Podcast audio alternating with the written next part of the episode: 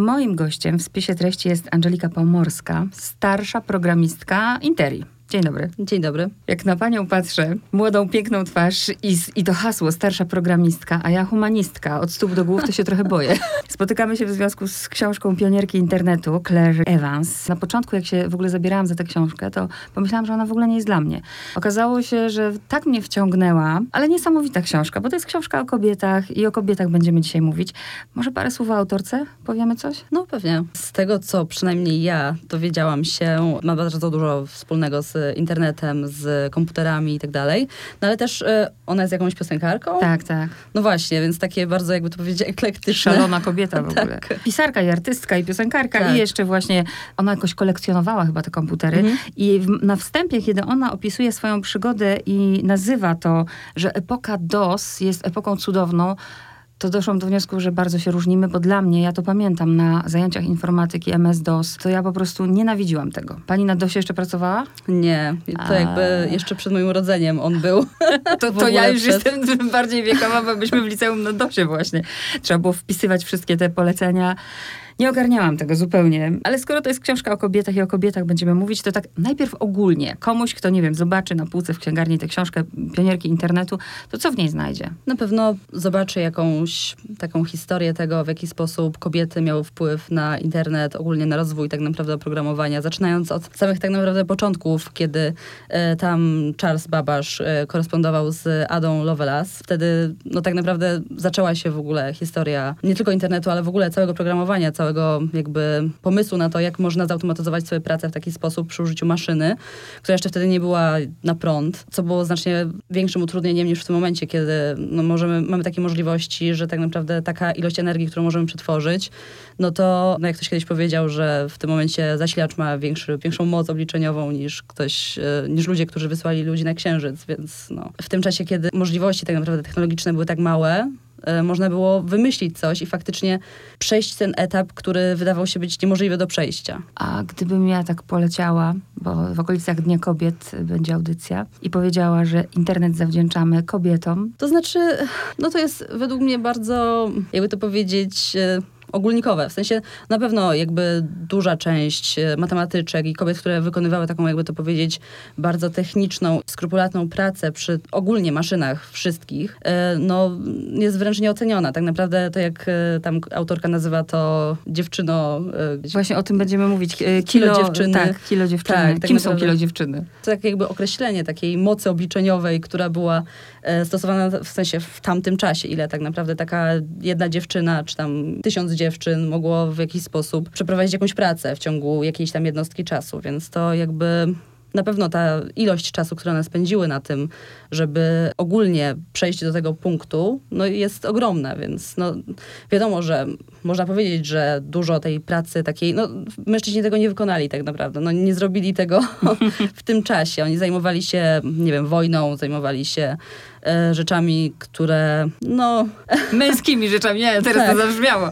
Bo są tacy, którzy twierdzą, że to ba- bardzo feministyczna książka. Nie, to jest po prostu właśnie pokazanie, bo tak naprawdę te kobiety, ja nawet Mhm. doczytałam od razu, bo my o bohaterkach będziemy mówić, Mhm. ale doczytałam, że właśnie Elizabeth e, Feinler, ona dzięki tej książce dopiero została wpisana do Międzynarodowej Galerii Sław Kobiet w Technologii, Mhm. bo do tej pory jej nie było.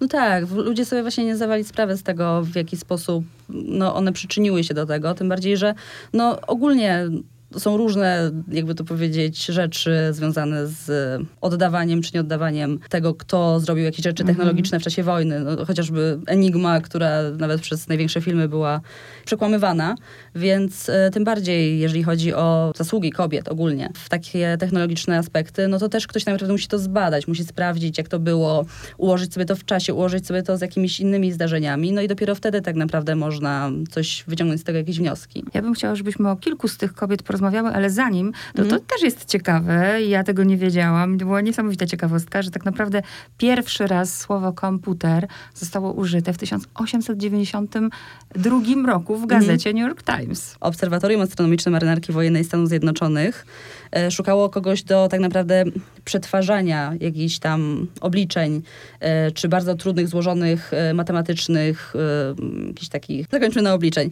No i po prostu potrzebowało osoby, która tak naprawdę te obliczenia przed, przeprowadzi, jako że generalnie mężczyźni byli na wojnie i no, generalnie był to trudny czas, jeżeli chodzi o pozyskiwanie pracowników.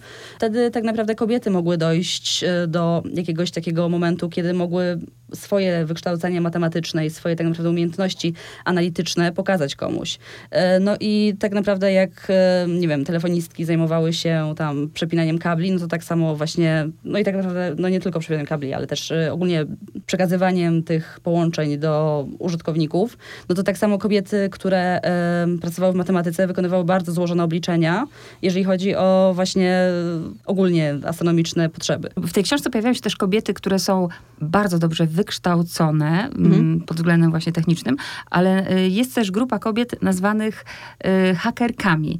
Haker się zawsze kojarzy z włamaniem, a, a tutaj pojawiają się w znaczeniu, pamięta pani? W znaczeniu y, osoby, która świetnie zna się na komputerach. To znaczy, tak jakby dla mnie to słowo haker jest takie trochę, jakby to powiedzieć, e, no użyte trochę, jakby to powiedzieć, dziwnie, no bo mimo wszystko jakby w moich czasach, kiedy jest to słowo haker, no to, to, to mimo wszystko jest jakiś tam, no, znajomość komputerów, ale też jakiś jego jakby to powiedzieć, łamanie, czy coś takiego. No, to, no takie to jest... mm, No kwestia jest tego, że jakby w książce no, jest dużo takich wyolbrzymień, że tak powiem. No i też, e, no jakby haker, no to, no tak, no można powiedzieć o kimś, że jest hakerką, ale no po prostu jakby też można powiedzieć, że jest po prostu komputerowcem, czy O.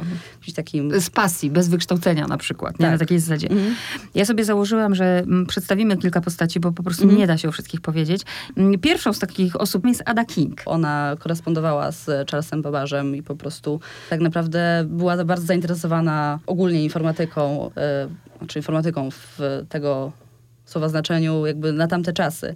W tych jej czasach była to po prostu bardzo no, rozbudowana matematyka i tak naprawdę możliwość przetworzenia tej matematyki na jakieś bardziej obliczeniowe możliwości, e, jeżeli chodzi o automatyzację procesów. Ja bardziej myślę też, odchodząc w ogóle od informatyki i, tych terminów, myślę o niej jako o kobiecie, bo wiadomo w jakich czasach żyła. Fakt, że wyszła za arystokratę, też miała takie możliwości, ale chorowała i to bardzo ciężko. Później doszła chyba choroba psychiczna do tego. Urodziła trójkę dzieci po drodze. Znaczy przy takiej tak naprawdę bolesnej chorobie, wtedy to był rak macicy, no to jednak nie miał jakichś problemów psychicznych przy takim, jakby to powiedzieć, ciężkim schorzeniu, więc... Patrząc w ogóle, że kobieta musi bardzo dużo w życiu ogarniać, mężczyzna idzie do pracy, idzie na wojnę i jest koniec, a kobieta ma tysiąc rzeczy dookoła i jeszcze ma czas, żeby pracować nad maszyną analityczną. Jej taki sukces, e, dane wejściowe, pamięć przetwarzania i to wejściowe, czyli podstawowe, to od niej się zaczęło? No po części tak, w sensie jakby jak mężczyzna pracował nad e, stworzeniem maszyny, ona pisała jakby pierwsze programy do tej maszyny, pierwsze jakieś, e, jakby to powiedzieć, możliwe scenariusze, jakie ta maszyna może wykonać. Drugą, którą sobie wypisałam, to jest Grace Hopper. Jeżeli chodzi o Grace Hopper, no to jej historia jest no, bardzo ciekawa, no bo tak naprawdę była matematyczką, która po prostu pracowała jako matematyczka z dziećmi. No i po prostu w pewnym momencie wiedziała, że chce robić coś więcej, że nie jest w stanie się rozwijać w tej dziedzinie w taki sposób, jaki by chciała, będąc po prostu tam, no pracując z ludźmi, którzy nie do końca jeszcze ogarniają matematykę. E, No i też nie, nie było takiej możliwości badawczej. No i tak naprawdę pierwsze, co zrobiła, no to właśnie w momencie, kiedy y, były poszukiwania na tych właśnie komputerów, y, ona była jedną z osób, która się zgłosiła do tego. W sensie po prostu potrzebowała takiego, no też jakby to powiedzieć, wskazania możliwości, że może coś takiego zrobić i w tym momencie jest na to zapotrzebowanie, wtedy kiedy właśnie y, jakby ktoś szuka tych rąk do pracy. Bardzo przez to, że potrafiła się naprawdę odnaleźć y, z, ze swoim przełożonym, z, współpracować z nim, pracować analitycznie. No i później, e, jeżeli chodzi o maszynę ENIAC, była w stanie też, e, później z tej swojej maszyny, tej Mark I, Mhm. e, przeszła do, tej, do tego właśnie ENIACa i też jakby pracowała dalej na wysokim stanowisku, tak naprawdę zarządzając tymi wszystkimi procesami, które, które no właśnie zachodziły w tej maszynie, była w stanie pisać programy, prowadzić obliczenia matematyczne, które, bo to nie jest jakby programowanie takie, jak jest teraz, no nie? W sensie to jest coś zupełnie innego.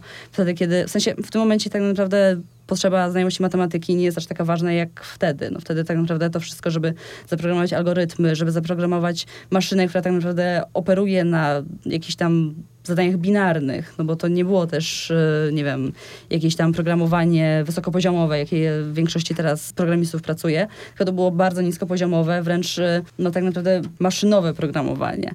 No i po prostu różnica nawet w jakimś tam znajomości tego, no podejrzewam, że żaden z znanych mi programistów nie był się w stanie odnaleźć w tamtych czasach. To jest mhm. zupełnie inny poziom wiedzy, zupełnie bardziej specjalistyczny, bardziej taki dogłębny do tego. tak, ona przeszła do Aniaka, to tak jakby, tak jakby do tej pory to wszystko, co robiła, było nieważne, bo to było nowe już. Tak, dokładnie. Co, to, całkowicie tak jakby teraz programista musiał się wszystkiego tak naprawdę, całe, nawet nie języka programowania, bo teraz języki programowania są do siebie bardzo podobne, ale po prostu całego nowego podejścia do tego zaprogramowania urządzenia, które było zupełnie inne. To, co mi imponuje jeszcze w Grace Hopper, to um, słuchaczom właśnie przeczytam, bo ona zajmuje dosyć dużą część tej mhm. książki. Też nie kiedy, bez powodu. Tak, kiedy była e, nauczycielką, żeby uatrakcyjnić, bo studenci bali się oczywiście e, takich przedmiotów jak rachunek, trygonometria czy rysunek techniczny, żeby ożywić, unowocześniła starą naukę nowymi pomysłami, czyli na przykład mówiła grupą, z którymi miała rysunek techniczny, że obrysowują granice fantastycznych, wymyślonych światów, a częste w podręcznikach rachunków zadania batalistyczne zmodernizowała rakietami,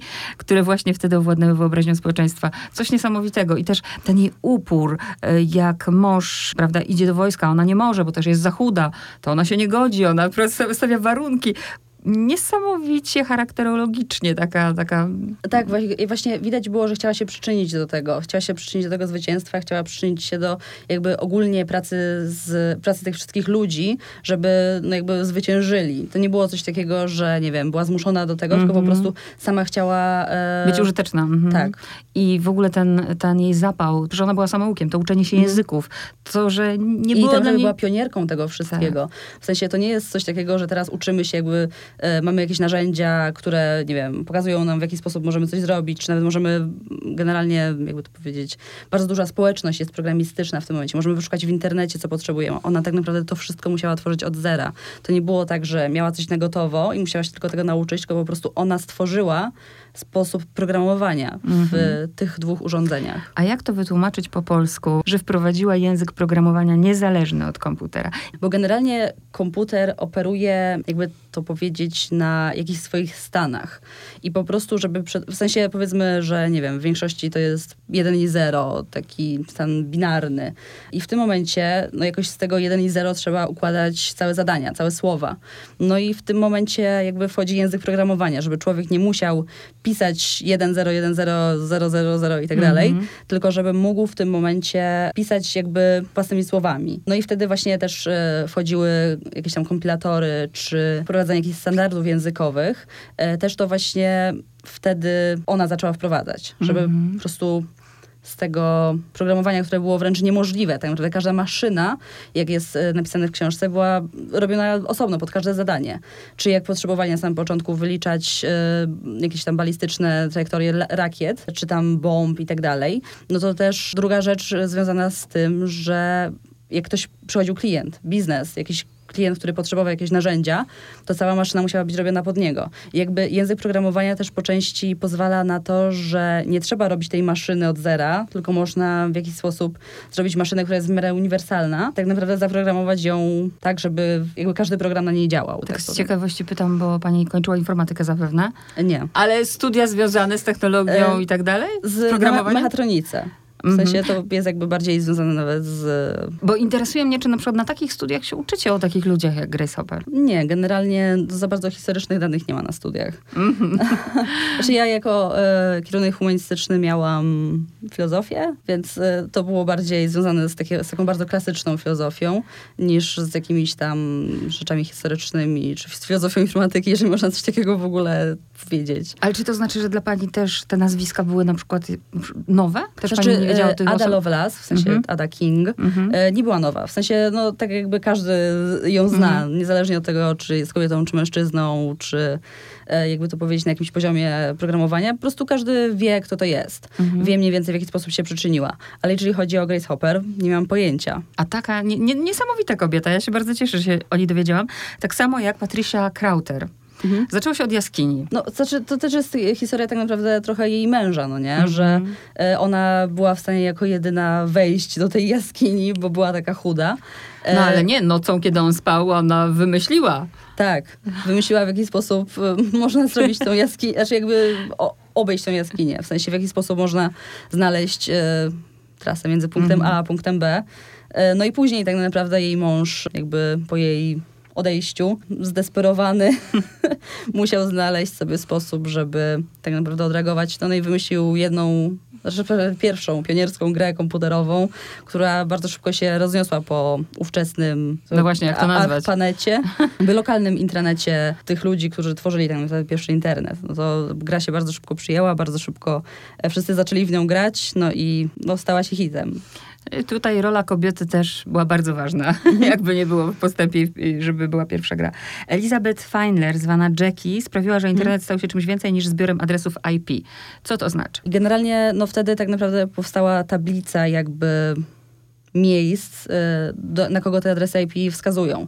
W sensie, no między innymi właśnie ten HUIS, który jest do tego momentu używany, że jesteśmy w stanie sprawdzić przez tą usługę, kto stoi za danym adresem IP. Czyli na przykład, no nie pamiętam teraz dokładnie, jaki adres ma Interia, ale mhm. powiedzmy, że wiemy, że pod danym adresem, przy poddanym dziewięcioliczbowym, że za danymi liczbami stoi tak naprawdę jakaś konkretna strona internetowa. I dzięki temu można było znaleźć jakby, na kogo wskazywał dany adres. No i no, tak naprawdę internet stał się bardziej jakby zorganizowany. Dzięki temu można było no, znaleźć naprawdę, czego się szuka. No i nikt o niej właśnie nie wiedział i to jest takie niesamowite, że, że dzięki tej książce tak naprawdę mhm. zostaje doceniona, więc... E, tak, no tak naprawdę no, usługa, która jest używana do dzisiaj, to nie jest tak, że nie wiem, to gdzieś poszło i nagle zaczęło, zaczęli ludzie używać czegoś innego, tylko cały czas tak naprawdę w usłudze Huiz y, sprawdzamy, kto odpowiada za, daną, za dany adres IP. Więc no, właśnie dokładnie to, co powiedziała pani na samym początku, że no, jakby to nie jest tylko numer, tylko to jest y, jednak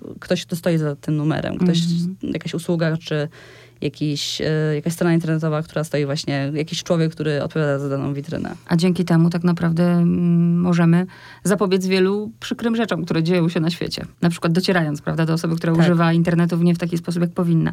Ponieważ tych bohaterek jest bardzo dużo, aż dochodzimy do mhm. współczesności, to jeszcze powiedzmy o Stacey Horn, która już w 80 latach ze swojego mieszkania w Nowym Jorku zarządzała pierwszą na świecie siecią społecznościową. I jak to zrobiła? Co to za sieć? E, to znaczy, to była sieć taka jakby w innym znaczeniu niż, niż my to teraz rozumiemy. No bo w tym momencie wchodzimy sobie w przeglądarkę, nie wiem, klikamy tam Instagrama, Facebooka, czy jeszcze jakąś inną sieć społecznościową. No i jesteśmy w stanie znaleźć tam ludzi, których e, szukamy. Wtedy to polegało na zupełnie innych warunkach. W sensie nie wchodziło się przez stronę internetową, tylko trzeba było zalogować się na serwer SSH. I po prostu wtedy y, można było dopiero połączyć się z danym użytkownikiem. Trzeba było znać konkretne komendy. Nie można było po prostu jakby wizualnie, wszystko nie było, jakby to powiedzieć, user-friendly, tylko po prostu było wszystko tak jakby, że trzeba było się tego nauczyć, że każdy człowiek jakby był jakby swoim domowym e, hakerem, że tak powiem. No i właśnie e, to też jakby zupełnie inaczej wyglądało podejście do takiej sieci. W sensie, żeby dać komuś dostęp do swojego serwera, ona musiała tego człowieka zweryfikować, sprawdzić jego tożsamość i tak naprawdę, żeby no jakby nie było tak jakby to w dzisiejszym czasie powiedzieć, spamu, czy jakichś takich treści, które nie były jakby to powiedzieć rekomendowane na danym serwerze, no też ona była w stanie banować tych użytkowników, jako że jakby wstęp był potrzebny, żeby dostać całkowicie, żeby do wstępu, żeby wejść na serwer, trzeba było mieć hasło, trzeba było mieć jakby nazwę użytkownika, trzeba było mieć adres tego serwera, więc to nie było takie proste jak teraz, że po prostu wchodzimy, klikamy i się logujemy, tylko trzeba było bezpośrednio od y, twórcy tego y, serwera dostać y, specjalne zaproszenie, więc znacznie łatwiej oczywiście było filtrować ludzi, a znacznie trudniej było się do tej sieci dostać. No i tak naprawdę to był jeden z pierwszych, to było jedno z pierwszych miejsc, gdzie ludzie tak naprawdę wymieniali się informacjami, gdzie, no nie wiem, nawet tak naprawdę całkowicie rzeczy związane z jakimiś zdarzeniami na świecie były tam relacjonowane przez użytkowników, e, czy jakieś tam rozmowy o kulturze, też tam y, wspomniane parę kobiet, które jakby uczestniczyły w nie tylko rozwijaniu tej sieci Echo, ale też później w magazynie War Jeżeli chodzi o redakcję, taką jakby przyszłość portali internetowych, one już tworzyły. No i właśnie e, też to, że jakby na takim czacie no bo wtedy można to nazwać więcej czatem, e, to nie było tak jakby czat, że po prostu siedzi sobie grupa osób i sobie gada, tylko mimo wszystko to było coś takiego, że ktoś jakby moderuje tą dyskusję, to jest taki jakby panel bardziej, taki bardziej jakby to powiedzieć rozwinięty i Mhm. że ktoś moderuje faktycznie tą dyskusję tak na wyższym poziomie. Bo dzisiaj to moderowanie to polega, że ktoś, nie wiem, tam siedzi w Azji i wyrzuca tylko brzydkie słowa. No niekoniecznie nawet siedzi w Azji, po prostu robi to zwykle komputer i Mhm. nawet już to nie przychodzi do tego człowieka w Azji. Ja zaszokowana byłam. Ja naprawdę nie wiedziałam, że takie rzesze, takie gdzieś w, tym, w tej książce znajdziecie naprawdę mnóstwo nazwisk i mnóstwo kobiet, które przyczyniły się do tego, jak wygląda dzisiaj w ogóle świat komputerów. Czy pani jako młoda osoba ma na przykład kogoś, kogo nie wiem, no może i nie ma w tej książce, a, a jest y, właśnie w sieci, to jest dla pani jakimś takim wzorem w tych sprawach programowania? To znaczy, generalnie w tym czasie, no to y, ja osobiście nie mam żadnego wzoru. W sensie, jakby obecne programowanie jest y, no, takie dość dynamiczne, jest takie bardzo społecznościowe, że za konkretne zmiany nie odpowiadają pojedynczy ludzie. Zresztą jak w większości, tak naprawdę, nie wiem, wiele lat temu y, ludzie byli wynalazcami, teraz po prostu wynalazcami są no, grupy ludzi, konkretne jakieś korporacje i tak dalej. Więc no, tak samo w programowaniu, że w tym momencie no, jakby mam jakichś tam ludzi, których, jakby to powiedzieć, darzę jakimś tam szacunkiem, ale też nieko- niekoniecznie ze wszystkimi rzeczami się zgadzam. E, No i to też tak, no nie ma takich autorytetów. Wiadomo, że, no nie wiem, te takie no te, teraz w tym momencie Grace Hopper, no to wow, jest takie coś, że e, no człowiek był w stanie dojść do takiego poziomu i całkowicie sam przebić się w taki sposób. No ale w tym momencie właśnie no, głównie grupy ludzi pracują nad jakimiś e, rzeczami programowania. To programowanie jest bardzo wys- wysokopoziomowe. E, no i no mimo wszystko community, znaczy społeczność Mhm. zmienia się bardzo wolno. Zmiany zachodzą bardzo wolno, dlatego że trzeba zapewniać, w sensie wtedy tak naprawdę każdy aspekt programowania był innowacyjny. Można było robić, co się chce. A w tym momencie tak naprawdę bardzo stopującą rzeczą jest e, to, że trzeba zapewnić wsparcie dla ludzi, którzy już, już jakby mają jakąś tam technologię zastosowaną, ale niekoniecznie są się w stanie przepiąć na nową, więc jakby we wszystkim, we wszystkich aspektach e, i serwerowych tak naprawdę, jeżeli tworzy się oprogramowanie dla kogoś i powiedzmy za 10 lat będzie się chciało, nawet nie 10 lat, czasami nawet nie wiem, 2-3 lata to jest przełom po prostu w programowaniu i potrzebuje się zmienić, bo widzi się, że nie wiem, to nie spełnia jakichś norm bezpieczeństwa. No w tym momencie tak naprawdę łamanie y, jakichś tam metod y, SH1 i tak dalej, to jest po prostu no, kwestia godzin. No i w tym momencie Mhm. nie możemy sobie pozwolić na to, żeby jakby zostawić kogoś z takim algorytmem haszującym y, czy kryptu- enkryptującym samego. W sensie jego użytkownicy będą narażeni i jakby my dostarczając tą usługę też w jakiś sposób możemy być narażeni. No i po prostu jakby no nie jesteśmy w stanie jakby zostawić tego wszystkiego w ten sposób. W sensie jakby bardzo dużo rzeczy jest takich wstecz. W tych czasach ludzie jakby byli innowatorami, byli całkowicie, e, mieli możliwość rozwijania tej, tej technologii w takim kierunku, jak ona szła. Na przykład Mhm. wtedy jak e, jest tam w książce, jeżeli chodzi o e, hipertekst, że w tym momencie mamy linki takie, jakie mamy, właśnie przez to, że ktoś podjął decyzję, że po prostu link może wskazywać z jednej strony, a nie tak, że linki będą serwowane przez jakąś bazę danych. No, e, tak jak właśnie było e, w książce, jeżeli chodzi o ten makrokosm, Mhm. czy jak się to tam nazywało. No i po prostu, no jakby w tym momencie, no nie ma takich dużych zmian. Teraz po prostu jesteśmy na jakimś tam stabilnym poziomie. Że Jak wygląda pani na co dzień praca? Znaczy tak, rano przychodzę do kuchni, później klikam jakieś rzeczy w internecie, później idę na piłkarzyki, no i później 10 minut programowania i do domu. No nie.